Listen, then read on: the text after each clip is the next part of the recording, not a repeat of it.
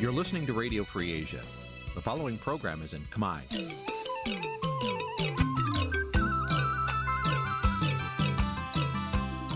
Nǐ chi càm bi tiệp xáy vệt chiu a zì sê ray នេះជាកម្មវិធីផ្សាយរបស់ Vithu Azisari ជាភាសាខ្មែរ វត្តឈូអាស៊ីសេរីសូមស្វាគមន៍លោកអ្នកនាងទាំងអស់ពីរដ្ឋធានី Washington នៃសហរដ្ឋអាមេរិក ពីរដ្ឋធានី Washington នាងខ្ញុំសុជីវីសូមជម្រាបសួរ លោកអ្នកនាងកញ្ញាអ្នកស្ដាប់ Vithu Azizi សេរីទាំងអស់ជាទីមេត្រីយើងខ្ញុំសូមជូនកម្មវិធីផ្សាយសម្រាប់ព្រឹកថ្ងៃសុក្រ3កើតខែអាសាឍឆ្នាំខាលចត្វាស័កពុរសករាជ2566ចាប់ត្រូវនៅថ្ងៃទី1ខែកក្កដាគ្រិស្តសករាជ2022ជាដំបូងនេះសូមអញ្ជើញលោកអ្នកនាងស្ដាប់ព័ត៌មានប្រចាំថ្ងៃដែលមានមេត្តាដូចតទៅ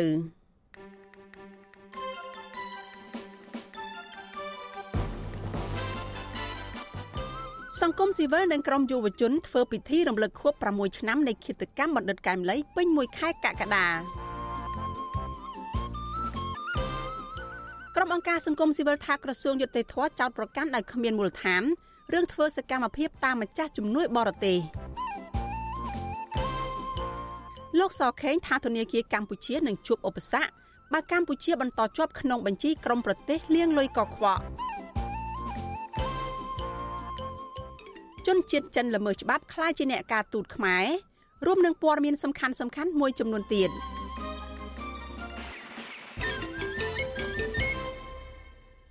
ចាត់ជាបន្តទៅទៀតនេះនាងខ្ញុំសុជីវីសូមជូនព័ត៌មានទាំងនេះពិស្ដាលោកអ្នកនាងកញ្ញាប្រិយមិត្តជាទីមេត្រីក្រមមន្ត្រីអង្គការសង្គមស៊ីវិលនិងក្រមយុវជននឹងរៀបចំពិធីរំលឹកខួប6ឆ្នាំនៃឃាតកម្មលោកបណ្ឌិតកែមលីពេញមួយខែកក្កដានេះ ដើម្បីដាស់តឿនពញ្ញាស្មារតីប្រជាពលរដ្ឋនិងយុវជនឲ្យចងចាំនៅវីរភាពរបស់លោក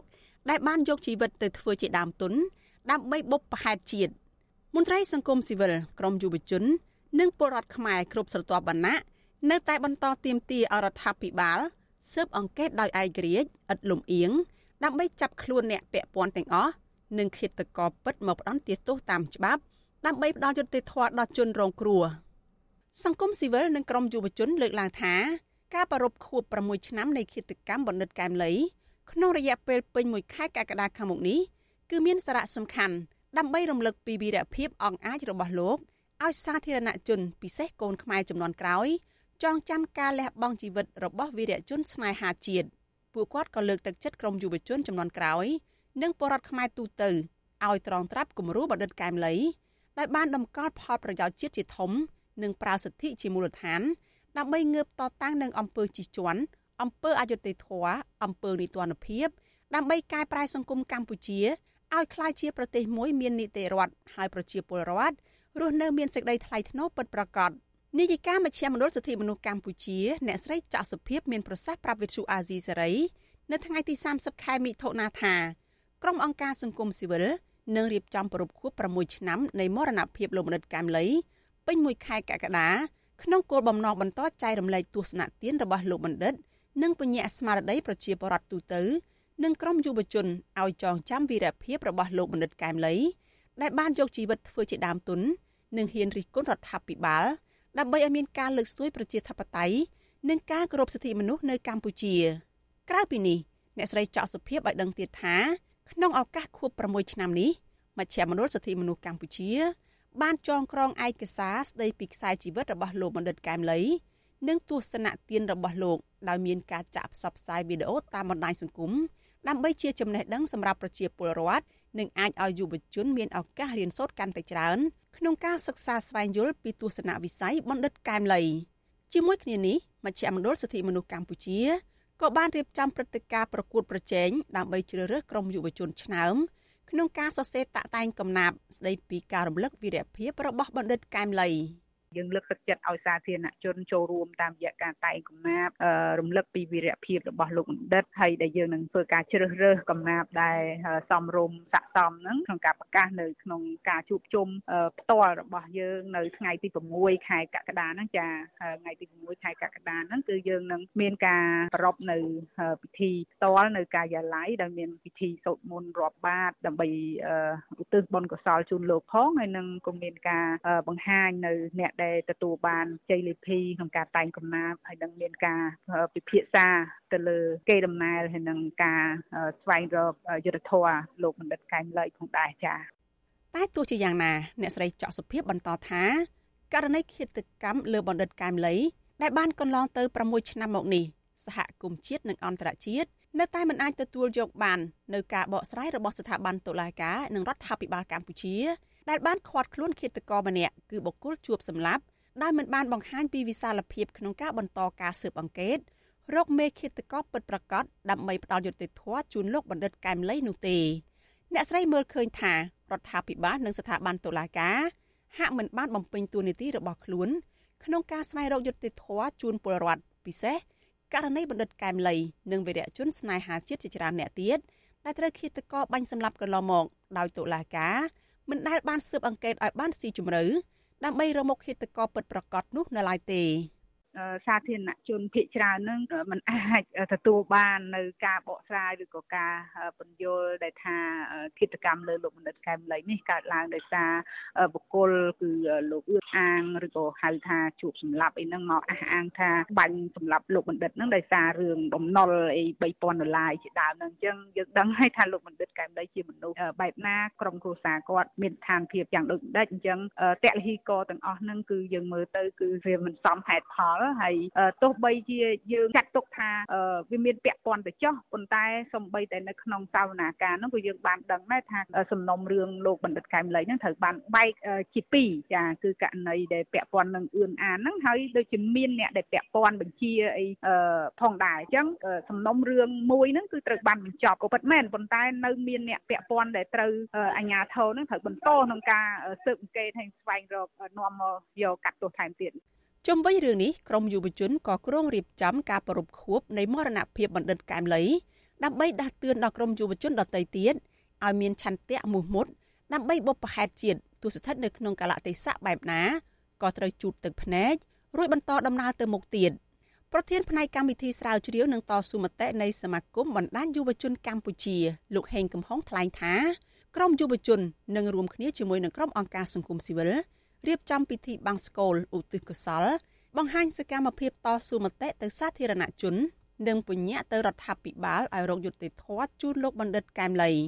លោកហេងកំហុងចាត់ទុកបណ្ឌិតកែមលីជាវីរៈបរិសស្នេហាជាតិនៃសេរីភាពបញ្ចេញមតិដូចនេះលោកអំពីវនីវដល់ប្រជាពលរដ្ឋទាំងអស់ចូលរួមពិធីគោរពវិញ្ញាណក្ខន្ធនិងបន្តការចងចាំនៅវីរភាពរបស់លោកបណ្ឌិត បើសិនជាយើងគ្រប់គ្នាពិតជាគោរពលោកបណ្ឌិតកែមលីពិតជាគោរពនៅវីរភាពលោកបណ្ឌិតកែមលីមែនគឺយើងត្រូវតែប្រតិបត្តិទៅតាមនីតិរបស់លោកបណ្ឌិតកែមលីយកបញ្ហាសង្គមជាបញ្ហារួមជាបញ្ហាជាតិជាបញ្ហារបស់យើងទាំងអស់គ្នាទី2ជាអ្នកហ៊ានអនុវត្តសិទ្ធិសេរីភាពបញ្ចេញមតិនិងមិនភ័យខ្លាចចំពោះការអនុវត្តសិទ្ធិសេរីភាពរបស់ខ្លួនយើងមានសិទ្ធិសេរីភាពយើងត្រូវតែអនុវត្តសិទ្ធិសេរីភាពរបស់យើងទី3បើយើងពិតជាអ្នកគោរពនៅនីតិរបស់លោកបណ្ឌិតកែមលីបើពិតជាបញ្ញវន្តមានមានចេតនាក្នុងការចូលរួមអភិវឌ្ឍប្រទេសកម្ពុជាប្រកបទៅដោយស្មារតីជាតិពិតមែនគឺត្រូវប្រកាន់ជំហរនិយាយការពិតឥតការពារចំណែកឯប្រធានសមាគមនិស្សិតបញ្ញវន្តខ្មែរលោកកើតសរាយឲ្យដឹងថា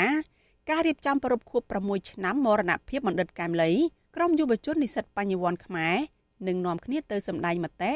នៅទីតាំងដែលឃាតករបាញ់លោកបណ្ឌិតកែមលីដើម្បីបន្តទាមទារយុត្តិធម៌សម្រាប់លោកបណ្ឌិត ក្រៅពីនេះលោកថាសមាគមនិស្សិតបញ្ញវន្តខ្មែរនឹងរៀបចំប្រកួតកីឡាបាល់ទាត់ដើម្បីបង្ហាញវីរភាពបណ្ឌិតកែមលីដែលមានការចូលរួមប្រកួតប្រជែងពីមន្ត្រីសង្គមស៊ីវិលនិងក្រមយុវជនដើម្បីដណ្ដើមរង្វាន់ដែលមានឆ្លាក់រូបនិងឈ្មោះបណ្ឌិតកែមលី។ ហើយសម្រាប់ខ្ញុំផ្ទាល់ខ្ញុំមិនដែលមានអារម្មណ៍ថាលោកបណ្ឌិតកែមិនឡៃបានទទួលនៅយុត្តិធម៌ព្រមទាំងក្រុមគ្រួសារនិងកូនម្ដាយបងប្អូនគាត់នៅឡើយទេពីព្រោះយើងនៅតែមិនជឿថាការបាញ់សម្លាប់លោកបណ្ឌិតកែមិនឡៃនឹងគឺជារឿងជំពាក់លុយដូចអឿតអាងឬក៏ហាសនាមជួបសម្លាប់និយាយនឹងវាដែលវាហួហួពីវិស័យនៃការជឿណាដូច្នេះយើងតែមិនទុកចិត្តហើយនឹងមិនជឿជាក់នៅឡើយដូច្នេះយើងនៅតែបន្តសកម្មភាពតស៊ូមកតិតាមរយៈបុណ្យគម្រប់ខួបរបស់លោកបណ្ឌិតកែមលីនឹងដើម្បីជំរុញយ៉ាងណាធ្វើឲ្យក្រសួងយុតិធធក៏ដូចជាតឡាការនឹងគឺបន្តនីតិវិធីក្នុងការរុករោគនៅមុខជនល្មើសពិតប្រាកដឲ្យខាន់តែបានវិទ្យុអាស៊ីសេរីមិនអាចតកតងแนะនាំពាក្យក្រសួងយុតិធធលោកចិនម៉ាលីននិងแนะនាំពាក្យរដ្ឋាភិបាលលោកផៃស៊ីផានដើម្បីសាកសួរពីដំណើរការស៊ើបអង្កេតសំណុំរឿងបណ្ឌិតកែមលីនិងដំណើរការរៀបចំប្រពខួប6ឆ្នាំ នៃមរណភាពបណ្ឌិតកែមលីនេះបាននៅឡើយទេនៅថ្ងៃទី30ខែមិថុនាជុំវិញរឿងនេះអ្នកនាំពាក្យសមាគមការពារសិទ្ធិមនុស្សអាត6លោកសឹងសានករណាមានប្រសាសន៍ថាការប្រារព្ធពិធីរំលឹកខួបលោកបណ្ឌិតកែមលីពីសំណាក់មន្ត្រីសង្គមស៊ីវិលក្រមយុវជនជារៀងរាល់ឆ្នាំនេះគឺជាការរំលឹកបង្ហាញពីវីរភាពរបស់លោកដើម្បីឲ្យសាធារណជន បានយល់កាន់តែច្បាស់ពីតម្លៃឧត្តមភាពរបស់បណ្ឌិតកែមលី ដែលបានលះបង់កម្លាំងកាយនិងយកជីវិតជាដើមទុនដើម្បីផលប្រយោជន៍ជាតិក្រៅពីនេះលោកថាអង្គការសង្គមស៊ីវិលជាច្រើនស្ថាប័ន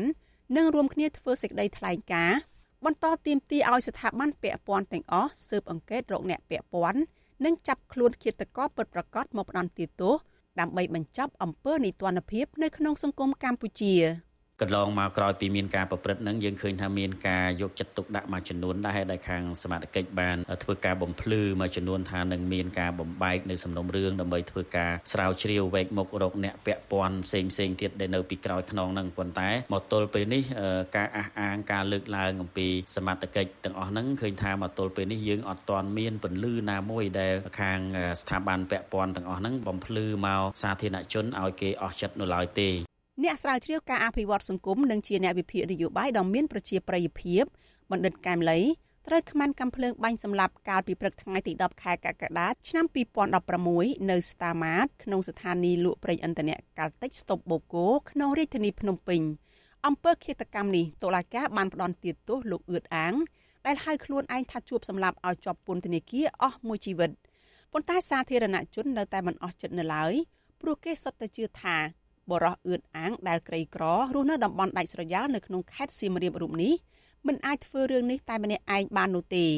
ទំនងដើម្បីបញ្ជាការរិះគន់តុលាការក្រុងភ្នំពេញបានសម្រេចបំបីសំណុំរឿងក្តីនេះជា2ដើម្បីស៊ើបអង្កេតរកអ្នកពាក់ព័ន្ធផ្សេងទៀតមកកាត់ទោសប៉ុន្តែតុលាការខកខានមិនបានផ្ដល់ព័ត៌មានស្តីពីការវិវត្តនៃសំណុំរឿងទី2នៅឡើយរហូតមកដល់ពេលបច្ចុប្បន្ននេះ។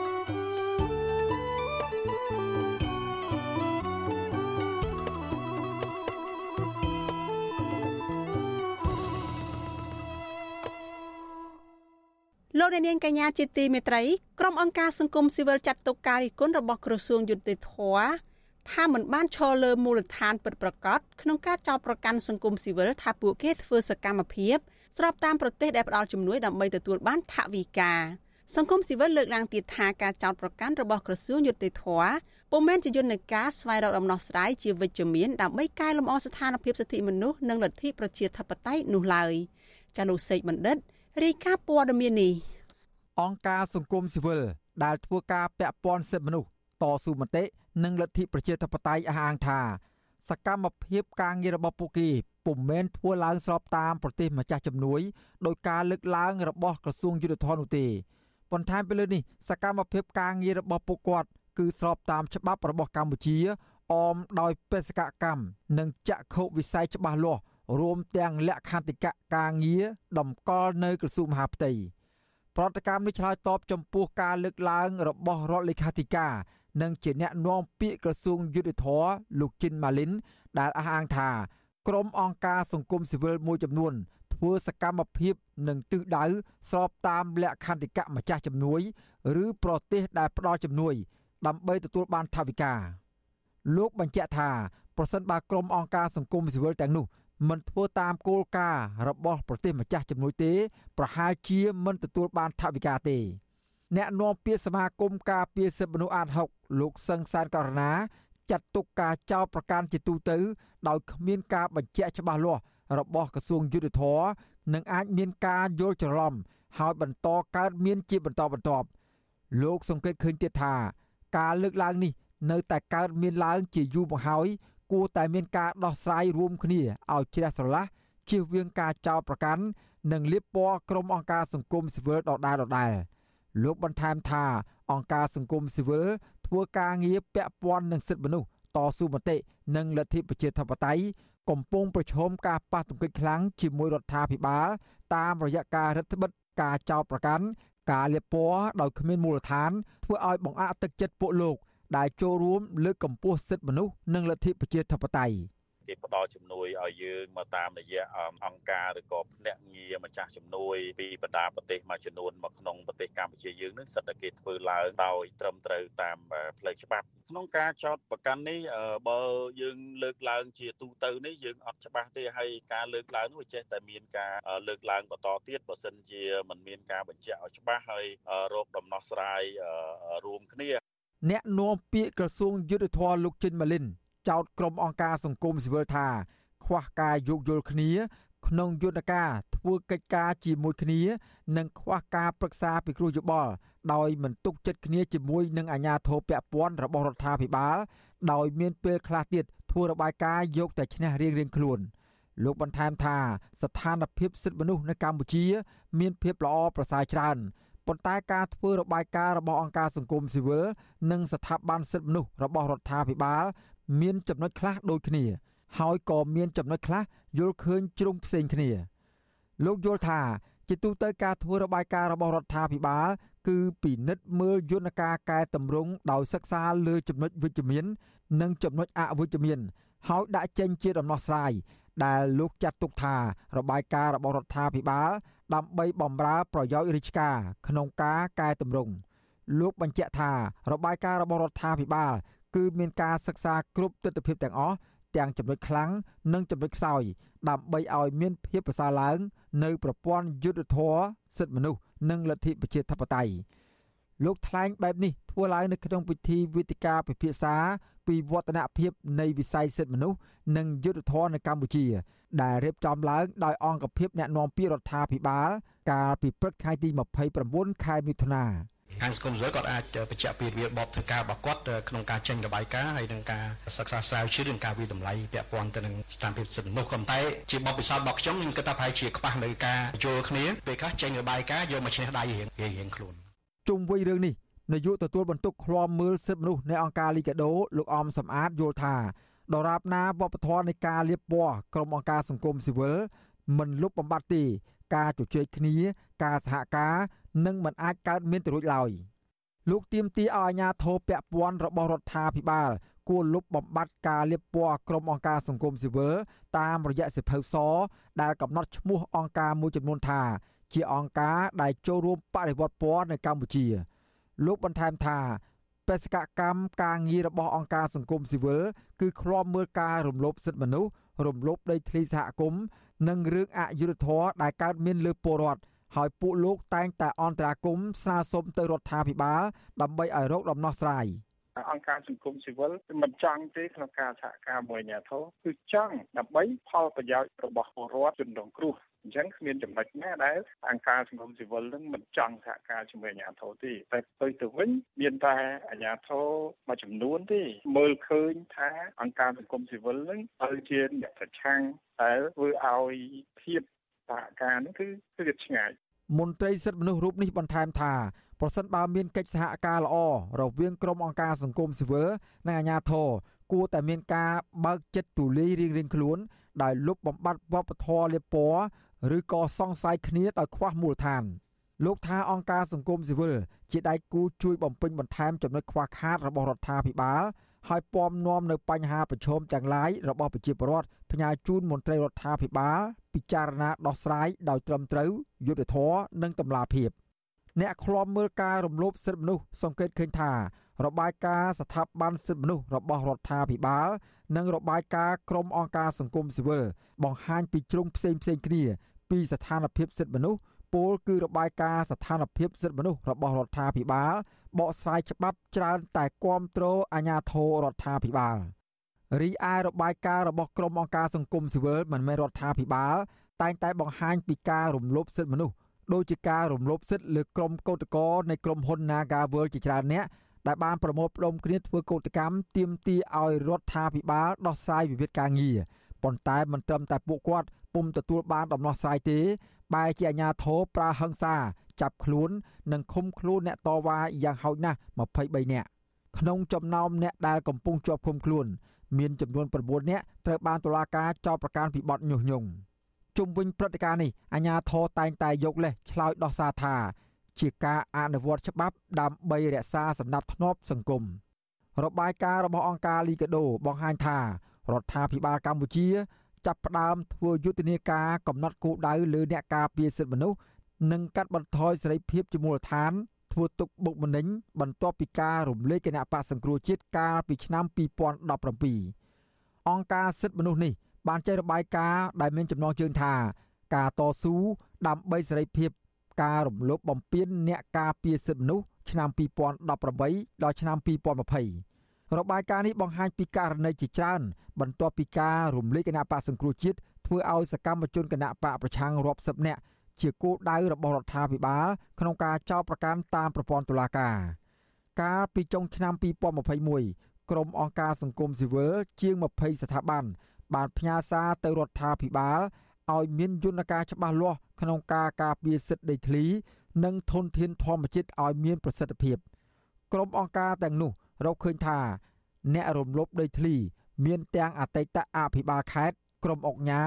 និងមន្ត្រីពុករលួយមួយចំនួន បានខុបខិតគ្នាជាប្រព័ន្ធបំផ្លាញធនធានធម្មជាតិនិងសេចក្តីសុខរបស់ប្រជាពលរដ្ឋ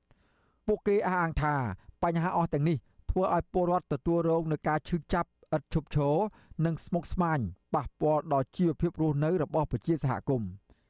ប្រការទាំងនេះពួកគេបានផ្ញើសារទៅរដ្ឋាភិបាល និងស្ថាប័នពាក់ព័ន្ធត្រូវមានយន្តការជាក់លាក់មួយដោះស្រាយឲ្យមានប្រសិទ្ធភាពក្រុមអង្គការសង្គមស៊ីវិលទាំងនោះសង្កត់ធ្ងន់ថាយន្តការដោះស្រាយបញ្ហាដីធ្លីពុំមែនបង្កើតគណៈកម្មការរកមុខប្រជាពលរដ្ឋរងគ្រោះ ដើម្បីធ្វើទុកបុកម្នេញតាមប្រព័ន្ធតុលាការលើប្រជាសហគមន៍ដីធ្លី ដែលតវ៉ាទាមទារឲ្យអាជ្ញាធររកយុទ្ធធរជូនពួកគាត់នោះទេ ចំណែកឯស្ថាប័នសិទ្ធិមនុស្សរបស់រដ្ឋាភិបាល តែងតែច្រានចោលរបាយការណ៍របស់ក្រុមអង្គការសង្គមស៊ីវិលទាំងនេះដោយចាត់ទុកថាជារបាយការណ៍ខ្វះការពិត និងមានចេតនានយោបាយខ្ញុំបាទសេកបណ្ឌិតវិទ្យុអាស៊ីសេរីពីរដ្ឋធានីវ៉ាស៊ីនតោន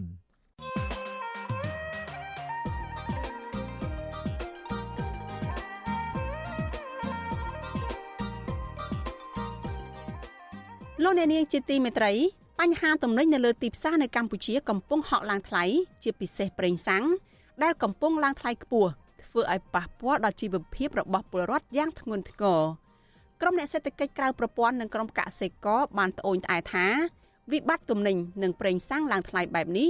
គឺជាបន្ទុកមួយជាន់ទៀតលើបញ្ហាវិបត្តិជំងឺ Covid-19 ហើយវាមានសម្ពាធធ្ងន់ធ្ងរជាងកាលពីសម័យវិបត្តិជំងឺ Covid-19 ផ្ទុះឡើងលើកដំបូង កាលពីឆ្នាំ2020និងឆ្នាំ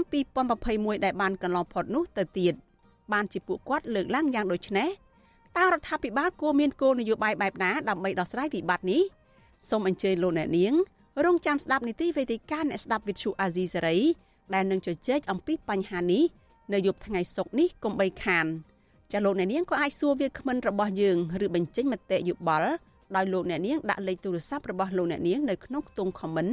របស់ Facebook ឬ YouTube វិទ្យុអាស៊ីសេរីចាស់ក្រុមការងាររបស់វិទ្យុអាស៊ីសេរីនឹងហៅទៅលោកអ្នកនាងវិញចាសសូមអរគុណ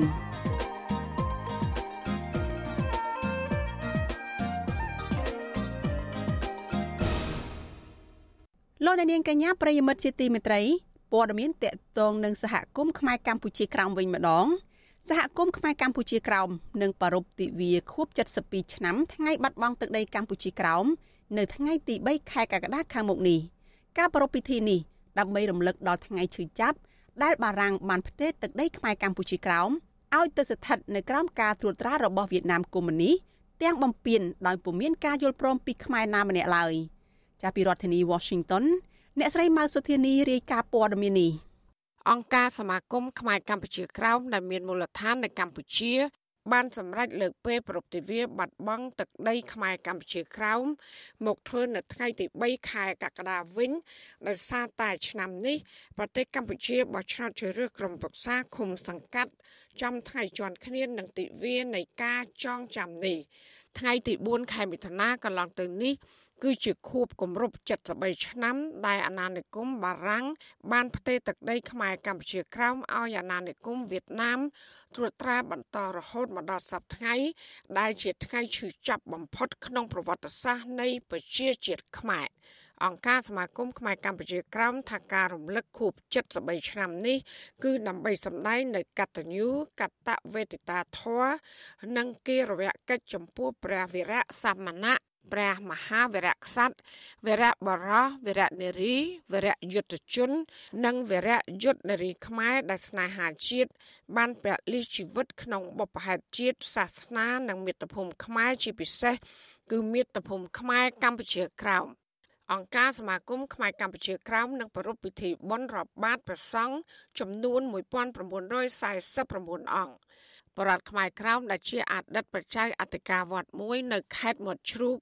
ដែលធ្លាប់ប្រឆាំងនឹងអាញាធរវៀតណាមមកទន្ទ្រានដីវត្តលោកចៅសំអឿនប្រពន្ធស៊ីស្រី នៅរុស្ស៊ីថ្ងៃទី30ខែមិថុនាថាបរដ្ឋខ្មែរកម្ពុជាក្រោមតែងតែប្រារព្ធទិវារំលឹកខួបថ្ងៃដែលបារាំងផ្ទេរដែនដីកម្ពុជាក្រោមទៅឲ្យយួនកុម្មុយនីសកាន់កាប់រហូតមកដល់បច្ចុប្បន្នលោកបន្តថាការដែលខ្មែររំលឹកទិវានេះ គឺចង់ដាស់តឿនសតិអារម្មណ៍ស្មារតីកូនខ្មែរទាំងអស់ឲ្យចងចាំថាទឹកដីដូនតាមានត្រឹមណាការលះបង់របស់បុព្វបុរសធំធេងកម្រិតណា ក្នុងការការពារអត្តសញ្ញាណវប្បធម៌អក្សរសាស្ត្រប្រពៃណីទំនៀមទម្លាប់ទុកឲ្យកូនចៅនៅដែនដីកម្ពុជាក្រោមរក្សាគង់វង្សរហូតមកដល់សប្តាហ៍ថ្ងៃ លោកក៏បានស្នើដល់រដ្ឋាភិបាលវៀតណាមកុំឲ្យធ្វើទុកបុកម្នេញដល់បរតខ្មែរក្រោមដែលស្លូតត្រង់និងសូមឲ្យមានការគ្រប់សិទ្ធិរបស់មនុស្សជាតិជាពិសេសគឺសិទ្ធិខ្មែរក្រោមដែលជាម្ចាស់ស្រុកនិងជាម្ចាស់ទឹកម្ចាស់ដីនេះផង ចំពោះការទៀមទាទឹកដីកម្ពុជាក្រោមលោកមានជំនឿទៅលើសហព័ន្ធខ្មែរកម្ពុជាក្រោមដែលមានមូលដ្ឋាននៅសហរដ្ឋអាមេរិកនិងអាចទៀមទាសិទ្ធិជាជនជាតិដើមបាន ដើម្បីឲ្យខ្មែរក្រោមអាចសម្រេចវាសនាដោយខ្លួនឯងបាន។ ទៀមទានឹងធ្វើការតស៊ូមតិដកកក្រើកធ្វើឲ្យអាជ្ញាធរវៀតណាមហ្នឹងក៏មានការបារម្ភនិងមានចំណុចខ្លះនៅក្នុងនោះតាមតំបន់ខ្លះក៏ហៅអញ្ជើញក៏ដូចជា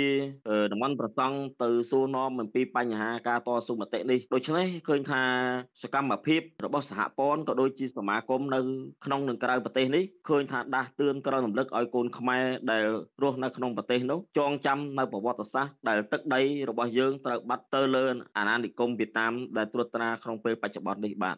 ស្រដៀងគ្នានេះដែរនិស្សិតឆ្នាំទី4នៃសាកលវិទ្យាល័យពាណិជ្ជសាស្ត្រលោកចៅសិផានអាយុ30ឆ្នាំ ដែលមកពីដែនដីកម្ពុជាក្រោមបានប្រាប់ថាខ្មែរក្រោមពុំអាចបំភ្លេចនៅទិវាដ៏ឈឺចាប់នៃបានទេហើយតែងតែប្រពធ្វើជារៀងរាល់ឆ្នាំ គឺចាស់ប្រតិចាចង់បញ្ជ្រាបនៅថ្ងៃប្រវត្តិសាស្ត្រមួយនេះឲ្យកប់ចូលទៅជ្រៅក្នុងបេះដូងកុលបុត្រកុតិដាខ្មែរថាវៀតណាម បានលេបត្របាក់ទឹកដីខ្មែរ លោកបន្ថែមថាកូនខ្មែរទាំងអស់មិនត្រូវភ្លេចទង្វើឈ្លានពានរបស់វៀតណាមមកលើដីខ្មែរទេហើយលោកនៅចចង់ចិត្តថាថ្ងៃណាមួយ កម្ពុជាក្រោមនឹងស្ថិតនៅក្រោមការមើលថែពីប្រទេសកម្ពុជាវិញលោកផ្ដាំអាយុវជនយុវនារីខិតខំសិក្សាយកចំណេះវិជ្ជា ដើម្បីទៅតតាំងនឹងប្រជាមិត្តដែលប៉ុនប៉ងរំលោភអធិបតេយ្យភាពកម្ពុជា តាមដែលខ្ញុំបានដឹងគឺទី1ដើម្បីដាក់នៅចំណុចសំខាន់ក្នុងថ្ងៃហ្នឹងចូលទៅក្នុងគូក្បាលកូនខ្មែរយើងទាំងអស់ឲ្យបានដឹងបានចងចាំអ្វីដែលសំខាន់គឺខ្ញុំចាប់អារម្មណ៍តែប៉ុណ្្នឹងគឺថាចង់ឲ្យកូនខ្មែរឲ្យទស្សនវិជ្ជាក្នុងថ្ងៃហ្នឹងគឺនៅពេញក្នុងគូក្បាលកូនចៅយើងចំនួនក្រោយខ្ញុំអ្វីដែលសំខាន់គឺបេះដូងខ្ញុំគឺបង្អោនទៅនឹកឃើញតែចំណុចហ្នឹងគឺចង់ឲ្យកូនខ្មែរគឺបានបានចងចាំហើយក្នុងថ្ងៃហ្នឹងអ្វីដែលសំខាន់គឺបានការរួបរวมគ្នាមួយ ទិវារំលឹកខួប73ឆ្នាំនឹងប្រព្រឹត្តទៅនៅទីស្នាក់ការសហគមន៍ខ្មែរកម្ពុជាក្រោម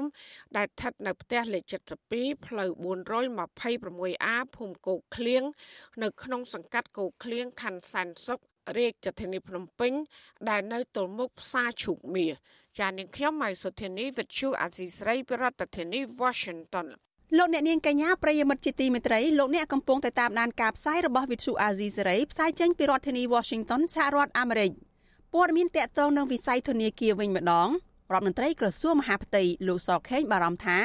ប្រព័ន្ធប្រតិបត្តិការធនាគារអាចនឹងជួបឧបសគ្គប្រសិនបើកម្ពុជាបន្តជាប់ឈ្មោះក្នុងបញ្ជីប្រភេទនៃក្រុមលាងលុយកខ្វក់តទៅទៀតមន្ត្រីសង្គមស៊ីវិលលើកឡើងថា ការដោះស្រាយបញ្ហានេះ ទាមទាររដ្ឋាភិបាលដោះស្រាយដោយមានឆន្ទៈខ្ពស់និងពោពេញទៅដោយសមត្ថភាពស៊ើបអង្កេតខ្ពស់ដែរចាលូទីនសការីយ៉ារាយការណ៍អំពីរឿងនេះក្រុមអ្នកខ្លំមើលលើកឡើងថារដ្ឋាភិបាលលោកហ៊ុនសែនមិនទាន់បោះសម្អាតប្រាក់កខ្វក់បានជោគជ័យនៅឡើយទេ ពួកគេព្រួយបារម្ភថាបើបញ្ហានេះនៅតែអស់បន្លាយទៀតនឹងពិបាកធ្វើឲ្យអ្នកវិនិយោគស្អាតស្អំមកបណ្ដាក់ទុននៅកម្ពុជាហើយអ្នកវិនិយោគកម្ពុជា ក៏ពិបាកទៅរកស៊ីជាមួយក្រុមប្រទេសផ្សារសំផងដែរការលើកឡើងនេះនៅស្របពេលរដ្ឋមន្ត្រីក្រសួងមហាផ្ទៃលោកសខេងអះអាងថាទោះជាកម្ពុជាបានដោះស្រាយបញ្ហាមួយចំនួនធំតាមសំណើរបស់អង្គការឃ្លាំមើលអំពើលាងលុយកខ្វក់នៅទូទាំងពិភពលោកប៉ុន្តែកម្ពុជាមិនទាន់អាចរើខ្លួនរួចចេញពីបញ្ជីប្រភេទនៃក្រុមប្រទេសលាងលុយកខ្វក់បានឡើយទេលោកទៀមទាឲ្យស្ថាប័នពាក់ព័ន្ធរួមគ្នាដោះស្រាយបញ្ហានេះហើយត្រូវស្រាវជ្រាវឲ្យដល់ឫសគល់នៃក្រុមអក្រិតជនទាំងនោះ ធនាគាររបស់យើងវានឹងមានឧបសគ្គក្នុងប្រតិបត្តិការធនាគារនេះនេះហើយជាបញ្ហាដែលយើងរួមគ្នាដើម្បីនឹងបដិញ្ញាដកកម្ពុជាពីបញ្ជីប្រភេទនេះ មានរឿងជាច្រើនជារួមគឺថាបទល្មើសទាំងឡាយណាដែលគេអាចប្រមូលលុយប្រមូលកាក់នោះយកទៅធ្វើអំពើភេរវកម្មធ្វើអាវុធមហាបល័យនោះហើយដែលយើងទាំងអស់នេះត្រូវខិតខំដើម្បីនឹង ប្រឆាំងលោកសខេងថ្លែងដូចនេះនៅក្នុងកិច្ចប្រជុំសពផ្សាយលទ្ធផលការងារនិងទិសដៅការងារពាក់ព័ន្ធនឹងការប្រឆាំងការសម្អាតប្រាក់ហិរញ្ញប្បទានភេរវកម្មនិងហិរញ្ញប្បទានដល់ការរិះសាយភាយអាវុធមហាប្រឡាយកាលពីថ្ងៃទី29មិថុនាលោកសខេងបញ្ជាទៅអាជ្ញាធរពាក់ព័ន្ធឲ្យរួមសហការគ្នាស្រាវជ្រាវហិរញ្ញវត្ថុនិងស៊ើបអង្កេតបទល្មើសដើម្បីឈានដល់ការកំណត់អត្តសញ្ញាណជនសង្ស័យនិងទ្រព្យសម្បត្តិជនសង្ស័យលោកឲ្យដឹងថាអក្រិតជនទាំងនោះ រួមមានអក្រិតជនគ្រឿងញៀនជួញដូរមនុស្សឆោបោកប្រៃឈើជួញដូរសត្វព្រៃអក្រិតជនប្រព្រឹត្តបទល្មើសពុករលួយ និងបទល្មើសកយជាដើមលោកថាក្រៅពីប្រន្ទាទោសក៏អាចនឹងឈានដល់ការបង្កកឬរឹបអូសទ្រព្យសម្បត្តិជនទាំងនោះតើតើនៅរឿងនេះនាយកប្រតិបត្តិអង្គការដំឡាភិបកម្ពុជា TI លោកពេជ្រពិសីគាំទ្រការលើកឡើងរបស់លោកសខេងដែលបានតាំងចិត្តដោះស្រាយបញ្ហាទាំងនេះលោកយល់ថាដើម្បីធ្វើឲ្យកម្ពុជាក្លាយជាដែនដីវិនិយោគស័ក្តិសម រដ្ឋាភិបាលគួរតែធ្វើការងារច្រើនទៀតដូចជាការពង្រឹងសមត្ថភាពក្នុងការស៊ើបអង្កេតអនុវត្តច្បាប់ឲ្យមានប្រសិទ្ធភាពនិងទប់ស្កាត់ការវិនិយោគដែលជាការលាងលុយកខ្វក់ជាដើម។យើងនៅតែជាដែនដីមួយដែលគេចាត់ទុកថាមានហានិភ័យខ្ពស់នៅខ្ពស់នៅក្នុងការធ្វើប្រតិបត្តិការរញ្ញវត្ថុអន្តរជាតិគឺនឹងមានការលំបាកច្រើនណាសម្រាប់អ្នករស់ស៊ីក្នុងស្រុកក្តីអ្នកវិនិយោគក្រៅក្តីគឺធ្វើឲ្យប្រតិបត្តិការនៃការវេលុយដែលប្រើប្រាស់យន្តការហិរញ្ញវត្ថុអន្តរជាតិហ្នឹងមានការពិបាក ទោះជាយ៉ាងណាអ្នកជំនាញវិទ្យាសាស្ត្រនយោបាយនិងកិច្ចការអន្តរជាតិលោកអែមសវណ្ណរាសង្កេតឃើញថារយៈពេលជាង4ឆ្នាំដែលកម្ពុជាជាប់ឈ្មោះក្នុងបញ្ជីប្រភេទនេះរដ្ឋាភិបាលបានបង្កើតច្បាប់សម្អាតប្រាក់កខ្វក់ក្តីប៉ុន្តែកម្ពុជាហាក់មិនបានដោះស្រាយរឿងនេះបានពេញលេញនៅឡើយទេលោកព្រួយបារម្ភថាបញ្ហាដែលរដ្ឋាភិបាលដោះស្រាយមិនបានល្អនឹងអាចធ្វើឲ្យកម្ពុជាខ្ជាប់ក្នុងបញ្ជីប្រភេទនេះដដែលឬក៏អាចធ្លាក់នៅក្នុងបញ្ជីខ្មៅថែមទៀតផង។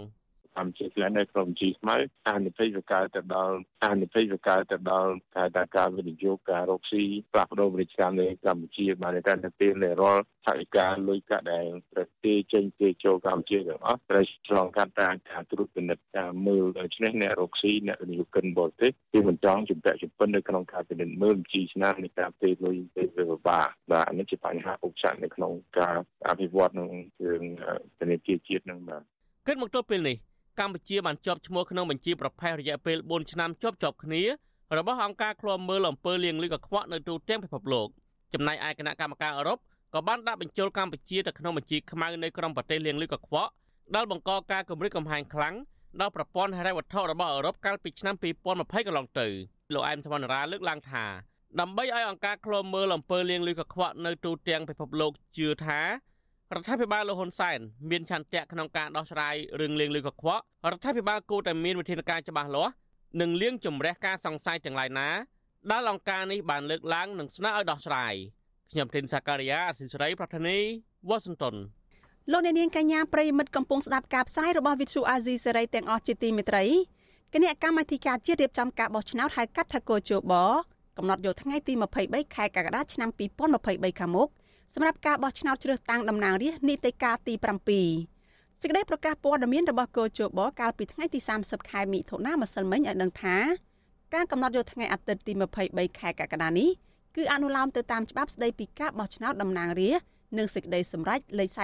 46ចុះថ្ងៃទី29ខែមិថុនារបស់រដ្ឋាភិបាលកម្ពុជាប្រជាពលរដ្ឋខ្មែរដែលមានឈ្មោះក្នុងបញ្ជីបោះឆ្នោតផ្លូវការឆ្នាំ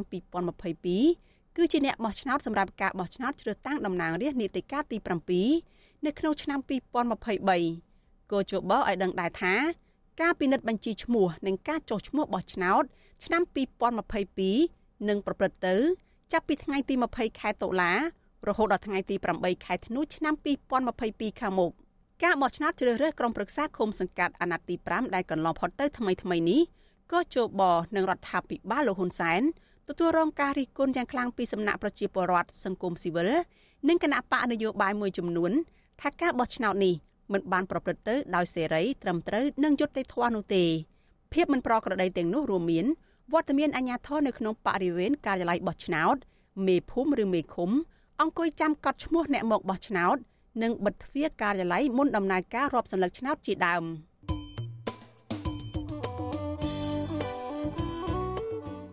ចលនានាងជាទីមេត្រីនៅក្នុងឱកាសនេះដែរនាងខ្ញុំសូមថ្លែងអំណរគុណដល់លោកអ្នកនាងកញ្ញាទាំងអស់ដែលតែងតែមានភក្ដីភាពចំពោះការផ្សាយរបស់យើងហើយចាត់ទុកការស្ដាប់វិទ្យុអាស៊ីសេរីនេះគឺជាផ្នែកមួយនៃសកម្មភាពប្រចាំថ្ងៃរបស់លោកអ្នកនាងចាការគ្រប់គ្រងរបស់លោកអ្នកនាងនេះហើយដែលធ្វើឲ្យយើងខ្ញុំកាន់តែមានទឹកចិត្តខ្លាំងថែមទៀតក្នុងការស្វែងរកព័ត៌មាននិងផ្តល់ព័ត៌មានពិតជូនលោកអ្នកនាងចាំមានអ្នកស្ដាប់ មានអ្នកទស្សនាកាន់តែច្រើនកាន់តែធ្វើឲ្យយើងខ្ញុំមានភាពស្វាហាប់មោះមុតជាបន្តទៅទៀតយើងខ្ញុំសូមអរគុណទុកជាមុនហើយសូមអញ្ជើញលោកអ្នកនាងកញ្ញាចូលរួមជំរុញឲ្យសកម្មភាពផ្សព្វផ្សាយព័ត៌មានរបស់វិទ្យុអាស៊ីសេរីនេះចាកាន់តែជោគជ័យបន្ថែមទៀតចាលោកអ្នកនាងអាចជួយយើងខ្ញុំបានដោយគ្រាន់តែចុចចែករំលែកការផ្សាយរបស់វិទ្យុអាស៊ីសេរីចានៅលើបណ្ដាញសង្គម Facebook និង YouTube ទៅកាន់មិត្តភ័ក្តិរបស់លោកអ្នកនាង ចាដើម្បីឲ្យការផ្សាយរបស់យើងនេះបានទៅដល់មនុស្សកាន់តែច្រើន ចាសូមអរគុណ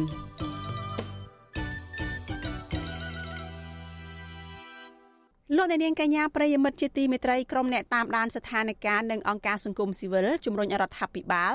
ត្រួតពិនិត្យឡើងវិញអំពីការផ្ដាល់សញ្ជាតិនិងទួនាទីជាន់ខ្ពស់ដល់ជនបរទេសការអំពាវនាវនេះធ្វើឡើងក្រោយពីរបាយការណ៍ស៊ើបអង្កេតថ្មីមួយបង្ហាញថាជនជាតិចិនម្នាក់ធ្លាប់មានប្រវត្តិជាប់ពន្ធនាគារ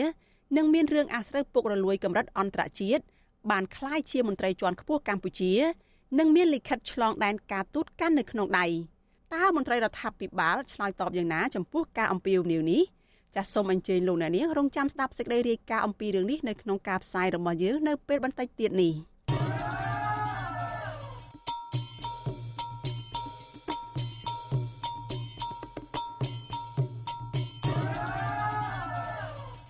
លោកអ្នកនាងកញ្ញាប្រិយមិត្តជាទីមេត្រីធនាគារពិភពលោក World Bank លើកឡើងថារដ្ឋាភិបាលកម្ពុជាត្រូវទប់ទល់នឹងវិបត្តិប្រេងឥន្ធនៈឡើងថ្លៃខណៈសេដ្ឋកិច្ចកម្ពុជាកំពុងរើបឡើងវិញដែលទទួលបានកំណើន4.5%នៅក្នុងឆ្នាំ2022របាយការណ៍របស់ធនាគារពិភពលោកចេញផ្សាយនៅក្នុងខែមិថុនាស្ដីពីស្ថានភាពសេដ្ឋកិច្ចបច្ចុប្បន្ននៅកម្ពុជាក្រោមចំណងជើងថាតម្លៃប្រេងឥន្ធនៈឡើងថ្លៃខ្លាំងហួសហេតុបង្ហាញថា ខណៈដែលសកម្មភាពសេដ្ឋកិច្ចក្នុងស្រុកនិងការនាំចេញទំនិញទៅបរទេសកំពុងបន្តរើបឡើងវិញក្រោយពីការធ្លាក់ចុះក្នុងអំឡុងរាតត្បាតជំងឺ Covid-19 កំណើននេះមានសភាពមិនដូចគ្នានៅតាមគ្រប់ផ្នែកទេដោយសារតែអតិផរណាដែលបណ្ដាលមកពីសង្គ្រាមនៅប្រទេសអ៊ុយក្រែនប្រធានគ្រប់គ្រងការិយាល័យធនាគារពិភពលោកប្រចាំនៅកម្ពុជាអ្នកស្រីម៉ារីយ៉ាមសាលីមគូបញ្ជាក់ថាយុទ្ធសាស្ត្រ រស់នៅជាមួយ COVID-19 បានបង្កលក្ខណៈឲ្យសេដ្ឋកិច្ចមានដំណើរការឡើងវិញនៅប្រទេសកម្ពុជាក៏ប៉ុន្តែផ្លូវតទៅមុខទៀតមានភាពស្រពេចស្រពិលនៅឡើយការឡើងថ្លៃប្រេងឥន្ធនៈនិងថ្លៃស្បៀងអាហារលើពិភពលោកដោយសារតែបញ្ហាសង្គ្រាមនៅប្រទេសអ៊ុយក្រែនកំពុងបន្ថែមការលំបាកធ្ងន់ធ្ងរថែមទៀតទៅលើគ្រួសារក្រីក្រ និងងាយរងគ្រោះនៅកម្ពុជា ដែលគ្មានប្រាក់សន្សំទុកហើយវាក៏ធ្វើឲ្យកាត់បន្ថយភាពក្រីក្រផងដែរ អ្នកស្រីម៉ារីយ៉ាំសាលីមសង្កត់ធ្ងន់ថាកម្មវិធីផ្ទេរសាច់ប្រាក់របស់រដ្ឋាភិបាលដែលកន្លងមកមានសារៈសំខាន់ណាស់ក្នុងការជួយគ្រួសារក្រីក្រ ក្នុងការឆ្លងកាត់ការលំបាកពេលមានជំងឺរាតត្បាត COVID-19 រដ្ឋាភិបាលកម្ពុជាចាំបាច់ត្រូវតែបន្តចំណាយថវិកាទៅលើកម្មវិធីនានាដើម្បីជួយដល់ជនក្រីក្រនោះតទៅទៀតរបាយការណ៍ដដែលបង្ហាញថានៅក្នុងឆមាសទី1ឆ្នាំ2022ការនាំចេញមានតម្លៃទឹកប្រាក់ជិត5000លានដុល្លារអាមេរិក គឺកើនឡើង26%បើប្រៀបធៀបនឹងរយៈពេលដូចគ្នាកាលពីឆ្នាំ2021វិស័យដែលជំរុញកំណើនសេដ្ឋកិច្ចរួមមានផ្នែកកាត់ដេរសម្លៀកបំពាក់ទំនិញធ្វើដំណើរនិងស្បែកជើង ផលិតបរិក្ខារអគ្គិសនីនិងគ្រឿងបន្លាស់រថយន្តជាដើមកំពុងស្ទុះឡើងវិញដែរសម្រាប់ការនាំចេញទៅសហរដ្ឋអាមេរិករបាយការណ៍ធនាគារពិភពលោកនេះក៏បានផ្ដល់អនុសាសន៍មួយចំនួនដែលអាចជួយទ្រទ្រង់សកម្មភាពស្ដារសេដ្ឋកិច្ចកម្ពុជាឲ្យងើបឡើងវិញ អនុសាសន៍ទាំងនោះរួមមាន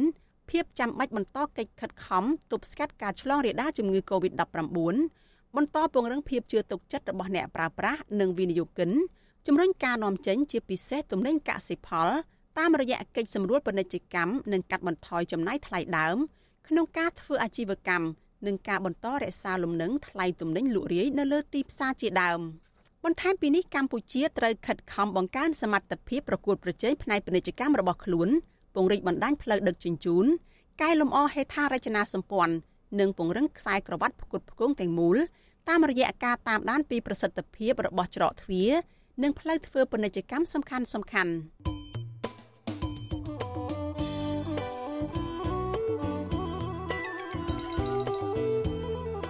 លោកអ្នកនាងកញ្ញាប្រិយមិត្តជាទីមេត្រីចាត់ដំណើរគ្នានឹងការផ្សាយផ្ទាល់តាមបណ្ដាញសង្គម Facebook និង YouTube លោកអ្នកនាងក៏អាចស្ដាប់ការផ្សាយរបស់ Vithu Azizi Saray ចាតាមរយៈវិទ្យុរលកធាតុអាកាសខ្លី SW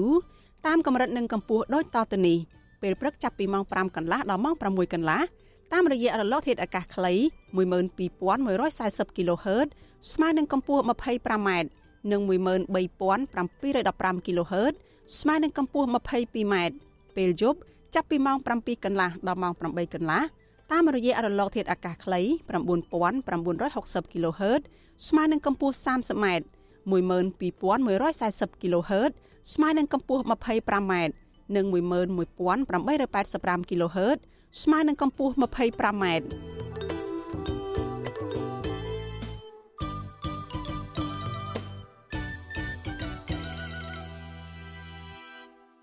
លោកអ្នកនាងកញ្ញាប្រិយមិត្តជាទីមេត្រីចាលោកអ្នកកំពុងតែតាមដានការផ្សាយរបស់ Vithu Azizi សេរីចាប់ផ្សាយចេញពីរដ្ឋធានី Washington សហរដ្ឋអាមេរិកព័ត៌មានតកតងនឹងកម្ពុជាធ្វើជាប្រធានអាស៊ានវិញម្ដង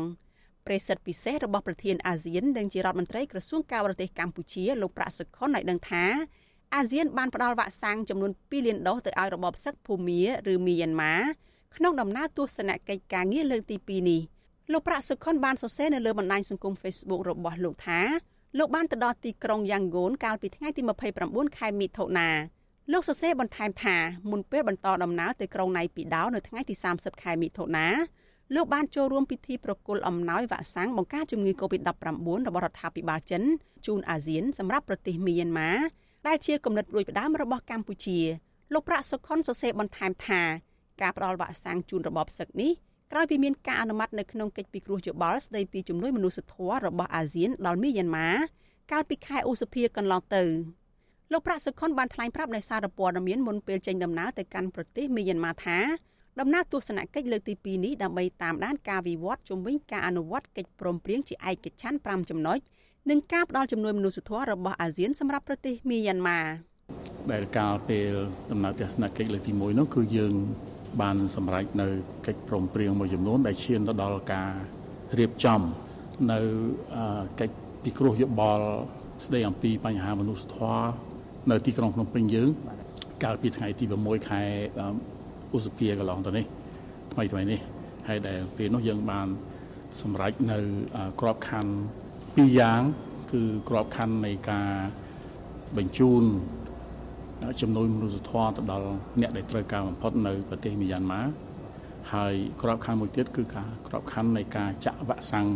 ប្រឆាំងនឹង COVID-19 ដែលជាសំណើរបស់កម្ពុជា ជាគំនិតផ្ដួចផ្ដើមរបស់កម្ពុជាដើម្បីភ្ជាប់ជាមួយនឹង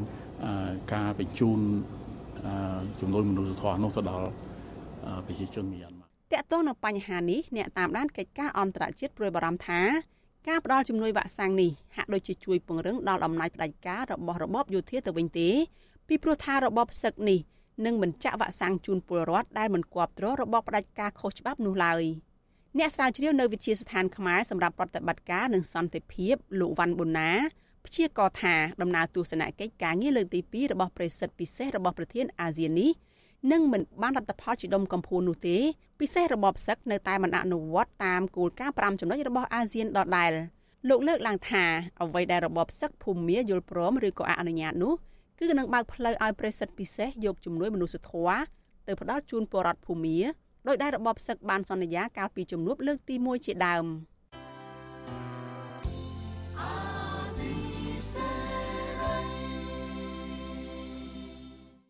លោកអ្នកនាងកញ្ញាប្រិយមិត្តជាទីមេត្រីក្រុមអ្នកតាមដានស្ថានភាពនិងអង្គការសង្គមស៊ីវិលជំរុញរដ្ឋាភិបាលត្រួតពិនិត្យឡើងវិញអំពីការផ្ដាល់សញ្ជាតិនិងទួលនីតិជាន់ខ្ពស់ដល់ជនបរទេសការអំពាវនាវនេះធ្វើឡើងបន្ទាប់ពីរបាយការណ៍ស៊ើបអង្កេតថ្មីមួយបង្ហាញថាជនជាតិចិនម្នាក់ដែលធ្លាប់មានប្រវត្តិជាប់ពន្ធនាគារនិងរឿងអាស្រូវពុករលួយកម្រិតអន្តរជាតិបានក្លាយជាមន្ត្រីជាន់ខ្ពស់កម្ពុជា និងមានលិខិតឆ្លងដែនការទូតកាន់នៅក្នុងដៃ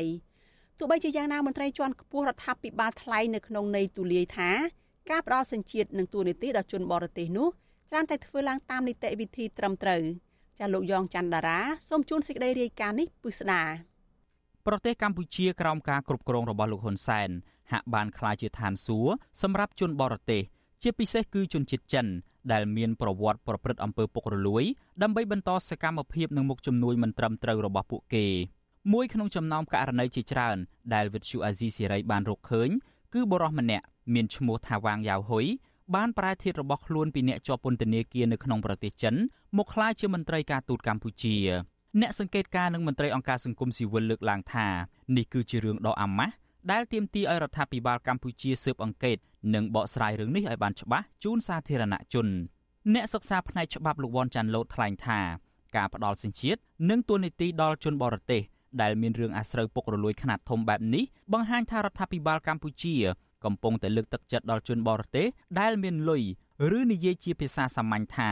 យកលុយជាធំ ជាជាងគិតពីច្បាប់កេរ្តិ៍ឈ្មោះនិងមុខមាត់របស់ជាតិលោកបន្តថា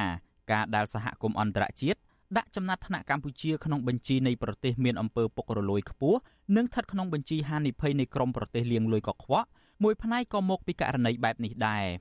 ចិនជាប្រទេសកុម្មុយនីសផងចិនបានអនុវត្តច្បាប់ទៅដល់បុគ្គលម្នាក់ហ្នឹងនៅក្នុងប្រទេសចិនមានន័យថាបុគ្គលម្នាក់ហ្នឹងជាបុគ្គលដែលអស់សាច់ដែរបានន័យថាវាគួរតែត្រូវបានកម្ពុជាសហការជាមួយនឹងអាជ្ញាធរចិនចាប់បញ្ជូនបុគ្គលនឹងទៅប្រទេសចិនថែមទៅទៀតតែវាបែរជាមិនកើតឡើងនៅក្នុងរូបភាពបែបហ្នឹងបែរជាកម្ពុជាទទួលស្វាគមន៍យ៉ាង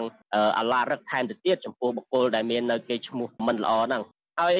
បន្ថែមមួយទៀតដែលខ្ញុំមើលឃើញវាឆ្លុះបញ្ចាំងថាកន្លងមកដែលអន្តរជាតិរិះគន់ចំពោះភាពអសកម្មឬភាពអវិជ្ជមាននេនេរបស់រដ្ឋាភិបាលនោះគឺជារឿងមួយដែលត្រឹមត្រូវស្រដៀងគ្នានេះអ្នកនាំពាក្យសមាគមការពារសិទ្ធិមនុស្សអាត6លោកសឹងសែនករណាថ្លែងថាការផ្ដាល់សញ្ជាតិនិងទូនីតិដល់ជនបរទេសដែលមានប្រវត្តិមិនល្អបែបនេះប៉ះពាល់ធ្ងន់ធ្ងរដល់មុខមាត់ប្រទេសម្យ៉ាងវិញទៀត ករណីនេះឆ្លុះបញ្ចាំងពីភាពកំសោយនៃការអនុវត្តច្បាប់សញ្ជាតិរបស់កម្ពុជាលោកយល់ឃើញថាការទទួលបានសញ្ជាតិលិខិតឆ្លងដែនការទូតនិងមុខងារជាមន្ត្រីក្រសួងការបរទេសដោយជនជាតិចិនដែលមានប្រវត្តិមិនល្អបែបនេះអាចមានជាប់ពាក់ព័ន្ធនឹងអំពើពុករលួយលោកបន្ថែមថារដ្ឋាភិបាលគួរតែស៊ើបអង្កេតរឿងនេះនិងអនុវត្តតាមច្បាប់ដើម្បីស្ដារកេរ្តិ៍ឈ្មោះនិងបំបត្តិមន្ទិលសង្ស័យរបស់សាធារណជន។ វាជាភាពអាម៉ាស់ទៅដល់មុខមាត់របស់កម្ពុជាវាហាក់ដូចជាគេមើលមកថាកម្ពុជាគឺជាទីកន្លែងដែលផ្ដល់ទូនទីផ្ដល់មុខងារឲ្យអ ுக ្រិតជនអញ្ចឹងអញ្ចឹងយើងគួរតែមានការប្រយ័ត្នប្រយែងក្នុងការផ្ដល់នៅលិខិតឆ្លងដែនប្រភេទហ្នឹងទៅដល់ជនបរទេសណាមួយឬក៏អ ுக ្រិតជនអីទាំងអស់នេះឯងហើយយើងដឹងហើយអ្នកទាំងអស់នេះបើសិនជាយកទៅប្រើប្រាស់ឲ្យមានបញ្ហាគឺបញ្ហាហ្នឹងនឹងប៉ះពាល់មកដល់មុខមាត់កម្ពុជាយើងនឹងឯង ចឹងគួរតែមានការប្រយ័ត្នប្រយែងហើយពិនិត្យមើលឡើងវិញទៅប្រតិកម្មរបស់អ្នកតាមដានស្ថានភាពនិងមន្ត្រីអង្គការសង្គមស៊ីវិលនេះធ្វើឡើងក្រោយពេលវិទ្យុអាស៊ីសេរីបានចេញផ្សាយរបាយការណ៍ស៊ើបអង្កេតមួយដោយលាតត្រដាងករណីបរិសុទ្ធជនជាតិចិនម្នាក់មានឈ្មោះថាវាងយ៉ាវហ៊ុយធ្លាប់ជាប់ពន្ធនាគារនៅប្រទេសចិននិងពាក់ព័ន្ធយ៉ាងជ្រៅនៅក្នុងអំពើពុករលួយតែបែរជាក្លាយជាមន្ត្រីការទូតកម្ពុជានិងធ្លាប់ធ្វើការផ្ទាល់ជាមួយលោកនាយរដ្ឋមន្ត្រីហ៊ុនសែនទៅវិញ លោកវ៉ាងយ៉ាវហ៊ុយស្ថិតនៅក្នុងពិភពជំនួញដែលប្រឡាក់ប្រឡូកដោយរឿងអាស្រូវសុកប៉ាន់ពុករលួយនិងការធ្វើពាណិជ្ជកម្មលាក់មុខនៅក្នុងរយៈពេលជាង10ឆ្នាំមកនេះលោកមានជាប់ពាក់ព័ន្ធទៅនឹងរឿងអាស្រូវពុករលួយខ្នាតធំជាច្រើនករណីចន្លោះពីឆ្នាំ2009ដល់2011ក្រុមហ៊ុនមួយរបស់លោកវ៉ាងយ៉ាវហ៊ុយឈ្មោះសុងហ៊ុយបានធ្វើអាជីវកម្មរ៉ែតុងដែងនៅប្រទេសហ្សំបៀស្ថិតនៅក្នុងទ្វីបអាហ្វ្រិកដោយមិនបានវិយតម្លៃហេតុប៉ះពាល់បរិស្ថាននោះឡើយហើយក្រុមហ៊ុននេះ ត្រូវបានគេរកឃើញថាបានសោកប៉ាន់មន្ត្រីនៃប្រទេសហ្សំបៀជាទឹកប្រាក់រាប់ម៉ឺនដុល្លារចូលមកដល់ខែមិថុនាឆ្នាំ2012លោកវ៉ាងយ៉ាវហ៊ុយត្រូវបានអាជ្ញាធរចិនចាប់ឃុំខ្លួននៅទីក្រុងប៉េកាំងដើម្បីស៊ើបអង្កេតពាក់ព័ន្ធទៅនឹងអំពើសោកប៉ាន់និងការលាងលុយកខ្វក់កាសែត South China Morning Post រាយការណ៍ថាលោកបានផ្ដល់សំណូកដល់អនុប្រធានធនាគារកសិកម្មគ្រប់គ្រងដោយរដ្ឋអំណាចចិនឈ្មោះយ៉ាងគុនក្នុងទឹកប្រាក់ចំនួនជាង6សែនដុល្លារអាមេរិក ចន្លោះពីឆ្នាំ2008ដល់2010ហើយជាថ្នូរមកវិញមន្ត្រីចិនរូបនោះបានរៀបចំប្រាក់កម្ចីចំនួន220លានដុល្លារឲ្យក្រុមហ៊ុនរបស់លោកអនុប្រធានធនាគារកសិកម្មគ្រប់គ្រងដោយរដ្ឋអំណាចចិនរូបនោះបានសារភាពទោសកំហុសហើយត្រូវបានផ្ដន្ទាទោសដាក់ពន្ធនាគារអស់មួយជីវិតទោះជាយ៉ាងណាលោកវ៉ាងយ៉ាវហ៊ុយមិនត្រូវបានចោទប្រកាន់នោះទេហើយអំឡុងពេលដែលគូកនរបស់លោកគឺលោកយ៉ាងគុនត្រូវបានគេដាក់ទោសនៅខែកុម្ភៈឆ្នាំ2015នោះ លោកបានទទួលសញ្ជាតិខ្មែរជិត1ឆ្នាំទៅហើយលោកវ៉ាងយ៉ាវហ៊ុយទទួលបានសញ្ជាតិខ្មែរជាផ្លូវការនៅថ្ងៃទី12ខែធ្នូឆ្នាំ2013ដោយមានលោកហ៊ុនសែនគឺជាអ្នកលើកសំណើទៅព្រះមហាក្សត្រលោកបានប្រើប្រាស់ឈ្មោះខ្មែរថាវ៉ាន់សុខាលោកវ៉ាងយ៉ាវហ៊ុយឬក៏វ៉ាន់សុខានេះត្រូវបានតែងតាំងជាទីប្រឹក្សារបស់លោកនាយរដ្ឋមន្ត្រីហ៊ុនសែននៅខែកក្កដាឆ្នាំ2015ហើយតាមរយៈតួនាទីនេះលោកទទួលបានលិខិតឆ្លងដែនការទូតអ្នកស្រីជឹងសុភីបហៅយាយភូ ភរិយារបស់លោកឡាវមេងខិនសមាជិកព្រឹទ្ធសភាគណៈបកប្រជាជនកម្ពុជា និងជាម្ចាស់ក្រុមហ៊ុនស៊ូកាគូដែលបូមខ្សាច់លុបតំបន់បឹងកក់នោះគឺជាបុគ្គលដែលត្រូវតាក់ទងសម្រាប់កិច្ចការបន្ទាន់របស់លោកវ៉ាងយ៉ាវហ៊ុយគេមិនដឹងទេថាតើបុគ្គលដែលមានប្រវត្តិអាស្រូវដោយលោកវ៉ាងយ៉ាវហ៊ុយនេះអាចคล้ายទៅជាទីប្រឹក្សារបស់លោកហ៊ុនសែនបានដោយរបៀបណានោះទេឯរឿងអ្នកស្រីជឹងសុភីបមានឈ្មោះនៅក្នុងបញ្ជីទំនាក់ទំនងទៅកាន់លោកវ៉ាងយ៉ាវហ៊ុយនោះក៏មិនមានអ្នកណាដឹងច្បាស់នោះដែរ ក៏ប៉ុន្តែអ្វីដែលគេដឹងច្បាស់នោះគឺលោកវ៉ាងយ៉ាវហ៊ុយនិងអ្នកស្រីជឹងសុភីបមានផលប្រយោជន៍ត្រួតស៊ីគ្នាទាំងនៅកម្ពុជានិងនៅទ្វីបអឺរ៉ុបអ្នកស្រីជឹងសុភីបគឺជាម្ចាស់ភាគហ៊ុននៃក្រុមហ៊ុនមួយឈ្មោះ JW Pegasus ដែលវិនិយោគលើវិស័យសំណង់នៅក្នុងប្រទេសស៊ីបអ្នកវិនិយោគដំបូងគេ4នាក់នៃក្រុមហ៊ុន JW Pegasus នេះមាន3នាក់គឺជាមនុស្សជិតស្និទ្ធនឹងលោកវ៉ាងយ៉ាវហ៊ុយក្នុងនោះក៏មានម្នាក់ទទួលបានសញ្ជាតិខ្មែរដែរ នៅខែកញ្ញាឆ្នាំ2016កាសែតក្នុងស្រុករបស់ប្រទេសស៊ីបបានរាយការណ៍ថាមានមនុស្សមួយចំនួនបានដាក់ពាក្យស្នើសុំសញ្ជាតិស៊ីបនោះក្នុងនោះរួមមានអ្នកស្រីជឹងសុភីបនិងស្វាមីព្រមទាំងកូន2នាក់លោកវ៉ាងយ៉ាវហ៊ុយនិងគូកនទាំង3នាក់នោះឯងពួកគេទាំង8នាក់សុទ្ធតែទទួលបានសញ្ជាតិស៊ីបគិតត្រឹមខែកុម្ភៈឆ្នាំ2017មកដល់ត្រឹមនេះលោកវ៉ាងយ៉ាវហ៊ុយលែងជាទីប្រឹក្សារបស់លោកហ៊ុនសែនតទៅទៀតហើយ ហើយក៏លែងមានឈ្មោះអ្នកស្រីជឹងសុភីបជាបុគ្គលដែលត្រូវតាក់ទងនៅលើលិខិតឆ្លងដែនរបស់លោកតទៅទៀតដែរនៅខែមករាឆ្នាំ2016លោកទទួលបានលិខិតឆ្លងដែនការទូតថ្មីមួយទៀតជាមួយនឹងទួលនីតិថ្មីគឺអនុប្រធានបេសកកម្មនៃស្ថានទូតខ្មែរប្រចាំប្រទេសសិង្ហបុរីលោកវ៉ាងយ៉ាវហ៊ុយឬក៏វ៉ាន់សុខានៅតែបន្តកាន់តួនាទីនេះនៅឡើយរហូតមកទល់នឹងពេលនេះក្នុងឆ្នាំ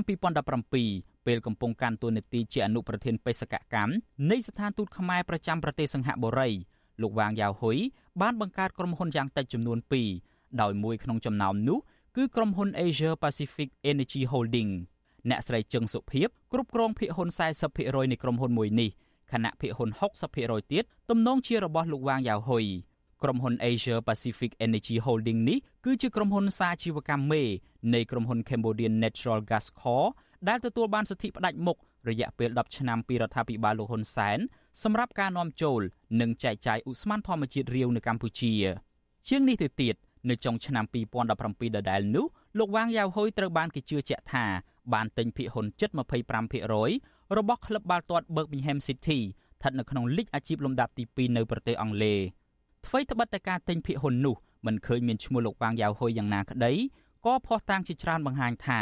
ម្ចាស់ក្រុមហ៊ុន ដែលបានទិញភាគហ៊ុនក្លឹបបាល់ទាត់ Birmingham City នោះគឺជាមនុស្សជំនិតដែលតែងតែចូលឈ្មោះជាម្ចាស់កម្មសិទ្ធិឲ្យលោកវ៉ាងយ៉ាវហ៊ុយជានិច្ចវិទ្យុអាស៊ីសេរីមិនអាចតាក់ទងលោកវ៉ាងយ៉ាវហ៊ុយនិងអ្នកស្រីជឹងសុភីបដើម្បីសាកសួររឿងនេះបាននៅឡើយទេជុំវិញរឿងនេះនាយកប្រតិបត្តិអង្គការដំឡាភិបកម្ពុជាលោកពេជ្រពិសីថ្លែងថាការផ្ដាល់សញ្ជាតិនិងលិខិតឆ្លងដែនការទូតដល់លោកវ៉ាងយ៉ាវហ៊ុយហាក់មានភាពមិនប្រក្រតីពីព្រោះបរិះចិនរូបនេះមានពាក់ព័ន្ធនឹងអំពើពុករលួយអន្តរជាតិ លោកថារដ្ឋាភិបាលកម្ពុជាគួរតែបើកការស៊ើបអង្កេតរឿងនេះដើម្បីជំរះមន្ទិលសង្ស័យទាំងឡាយនិងដើម្បីអនុវត្តច្បាប់ឲ្យបានត្រឹមត្រូវខ្ញុំមានការប្រួយបារម្ភព្រោះយោងតាមរបាយការណ៍ផ្សេងផ្សេងហ្នឹងគឺឃើញថាបុគ្គលហ្នឹងគាត់អាចជាប់ពាក់ព័ន្ធទៅនឹងបទល្មើសផ្សេងផ្សេងនៅក្រៅប្រទេសរួមទាំងប្រទេសចិនដែរជាប់ពាក់ព័ន្ធទាំងរឿងស៊ីសំណូកសោកប៉ាន់បាទពុករលួយជាដើមហើយស្ថិតនៅក្នុងការស៊ើបអង្កេតរបស់អាជ្ញាធរបរទេសច្រើនហើយដោយឡែក គាត់បែរជាត្រូវបានទទួលសញ្ជាតិកម្ពុជាទៅវិញបាទអញ្ចឹងខ្ញុំគិតថានេះជាការបារម្ភមួយសម្រាប់កម្ពុជាយើង ដែលយើង មានការជាប់ពាក់ព័ន្ធទៅនឹងបុគ្គលដែលមានការសង្ស័យនៅក្នុងការជាប់ពាក់ព័ន្ធបទក្រិតបរទេសផ្សេងៗឆ្លើយតបរឿងនេះប្រធានអង្គភិបអ្នកនាំពាក្យរដ្ឋាភិបាលលោកផៃស៊ីផានថ្លែងថាលោកមិនធ្លាប់ដឹងនិងមិនធ្លាប់ស្គាល់ទីប្រឹក្សារបស់លោកហ៊ុនសែនដែលមានឈ្មោះថាវ៉ាងយ៉ាហ៊ុយឬក៏វ៉ាន់សុខានោះទេក៏ប៉ុន្តែលោកអះអាងថា ជាទូទៅការតែងតាំងទីប្រឹក្សារបស់នាយករដ្ឋមន្ត្រីត្រូវធ្វើឡើងស្របតាមនីតិវិធីត្រឹមត្រូវក៏ប៉ុន្តែនៅពេលដែលអាស៊ីសេរីសួរថាតើរដ្ឋាភិបាលនឹងស៊ើបអង្កេតករណីនេះដែរឬទេ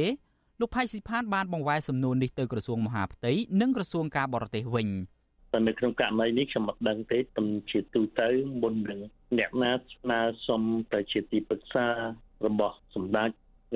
របស់នាយរដ្ឋមន្ត្រីណាម្នាក់ ក៏តែមានការពិនិត្យមើលថាតើជននៅធ្លាប់ធ្វើពិរុទ្ធជនទេទៅសុំសម្បត្តិថ្កោលទោសអាហ្នឹងជាទូទៅបាទឯកឧត្តមខាងអង្គការសង្គមស៊ីវិលស្នើឲ្យរដ្ឋាភិបាលគួរមានការប្រុងប្រយ័ត្ននិងយកចិត្តទុកដាក់ចំពោះការផ្ដល់សញ្ជាតិខ្មែរនឹងដល់ជនបរទេសនឹងជាពិសេសការដែលគាត់បានសញ្ជាតិហើយគាត់បានទទួលជាទីប្រឹក្សាឬមួយក៏ឋានៈអ្វីក្នុងជួររដ្ឋាភិបាលទៀតដើម្បីពិជាសនៅបញ្ហាទាំងអស់ហ្នឹងតើចំណុចនេះរដ្ឋាភិបាលនឹងពិចារណាយ៉ាងម៉េចវិញដែរឯកឧត្តមបាទ អន្តរតលពោសួរទៅខាងក្រសួងមហាផ្ទៃតើលក្ខខណ្ឌនៃទីប្រឹក្សាហ្នឹងតើគេមានលក្ខខណ្ឌអីខ្លះខ្ញុំមិនដឹងទី1ហើយទី2បានលិខិតឆ្លងដែនការទូតហ្នឹងអាហ្នឹងសួរក្រសួងការបរទេសព្រមុនគេចេញឲ្យហ្នឹងគេប្រយ័ត្នប្រយែងណាគេស៊ើបអង្កេតមើលត្រឹមត្រូវរបស់គេណាបាទវិទ្យុអាស៊ីសេរីមិនអាចតាក់ទងแนะនាំពាក្យក្រសួងមហាផ្ទៃលោកខៀវសុភ័ក្រនិងแนะនាំពាក្យក្រសួងការបរទេសលោកជុំសុនតរី ដើម្បីសុំការបកស្រាយរឿងនេះបានទេដោយទូរស័ព្ទចូលជាច្រើនដងតែពុំមានអ្នកទទួលទោះជាយ៉ាងណា អ្នកសិក្សាផ្នែកច្បាប់លោកវ៉ាន់ចាន់ដូតថ្លែងថាអាញាធរកម្ពុជាមិនគួរផ្ដល់សញ្ជាតិខ្មែរដល់លោកវ៉ាងយ៉ាវហ៊ុយនេះតាំងតែពីដំបូងមកម្លេះពីព្រោះបុគ្គលរូបនេះមានប្រវត្តិមិនល្អនោះឡើយលោកជឿជាក់ថាជនជាតិចិនរូបនេះប្រកាសជាប្រើប្រាស់សញ្ជាតិនិងលិខិតឆ្លងដែនការទូតខ្មែរដើម្បីធ្វើអាជីវកម្មទាញយកផលប្រយោជន៍ផ្ទាល់ខ្លួនដូច្នេះរដ្ឋាភិបាលកម្ពុជា គប្បីពិនិត្យករណីនេះនិងអនុវត្តវិធានការនានាដូចជាការដកហូតសញ្ជាតិនិងការបណ្តេញចេញពីកម្ពុជាជាដើម។ចិនក៏គេមានការអនុវត្តតាំងតែងដែរចំពោះជនទាំងឡាយណាដែលប្រព្រឹត្តនៅអំពើពុករលួយហ្នឹងចឹងហើយខ្ញុំជឿជាក់ថាបុគ្គលហ្នឹងគឺនឹងប្រើប្រាស់ឈ្មោះជាខ្មែរសញ្ជាតិជាខ្មែរដើម្បីទៅរស់ស៊ីចឹងយើងមើលឃើញពីរចំណុចហ្នឹង តែថាទី1កម្ពុជាមានការបំពេញទៅលើច្បាប់ខ្លួនឯងផងនិងទី2កម្ពុជាបានធ្វើឲ្យអាប់អោនកិត្តិយសដោយសារតែបុគ្គលជាជនល្មើសនៅក្នុងប្រទេសមួយ ហើយបានប្រើប្រាស់ឈ្មោះនិងប្រើប្រាស់សញ្ជាតិកម្ពុជាដើម្បីទៅរុស្ស៊ីជាមួយនឹងបណ្ដាប្រទេសប្របីទាំងបាទរដ្ឋាភិបាលលោកហ៊ុនសែនបានរងនឹងការរិះគន់ជាបន្តបន្ទាប់តាក់ទងទៅនឹងការផ្ដាល់សញ្ជាតិ និងលិខិតឆ្លងដែនដល់ជនបរទេសមួយចំនួនដែលមានប្រវត្តិមិនល្អដូចជាជនប្រព្រឹត្តអំពើពុករលួយ និងអ ுக ្រិតជនជាដើម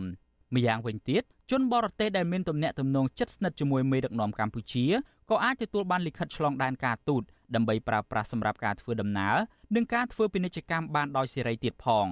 ជាឧទាហរណ៍អតីតនាយករដ្ឋមន្ត្រីថៃអ្នកស្រីយីងឡាក់ឈីណាវ៉ាត់ធ្លាប់មានប្រវត្តិកាន់លិខិតឆ្លងដែនការទូតរបស់កម្ពុជាដើម្បីធ្វើដំណើរ និងចុះបញ្ជីជាអគ្គនាយកក្រុមហ៊ុនសាជីវកម្មមួយកន្លែងនៅទីក្រុងហុងកុងកាលពីខែសីហាឆ្នាំ2018តាក់ទងទៅនឹងករណីរបស់លោកវ៉ាងយ៉ាវហ៊ុយនេះវិញការលាក់បាំងព័ត៌មានគួបផ្សំទៅនឹងការជាប់ជំពាក់របស់បុគ្គលរូបនេះទៅនឹងរឿងអាស្រូវពុករលួយខ្នាតធំយ៉ាងតិចចំនួន2ផងនោះនាំឲ្យមានចំណោទ2យ៉ាងទៅកាន់រដ្ឋាភិបាលលោកហ៊ុនសែនទី1តើហេតុអ្វីបានជាមេដឹកនាំកម្ពុជា មានភាពបើកចំហចំពោះជនអាកំបាំងប្រភេទនេះនិងទី2 ថាតើក្រុមមេដឹកនាំសពថ្ងៃអនុញ្ញាតឲ្យជនទាំងនេះមានឥទ្ធិពលដល់កម្រិតណាដើម្បីទិញដូរនៅក្នុងប្រទេសកម្ពុជាខ្ញុំយ៉ងច័ន្ទដារាវិទ្យុអាស៊ីសេរីរាយការណ៍ពីរដ្ឋធានី Washington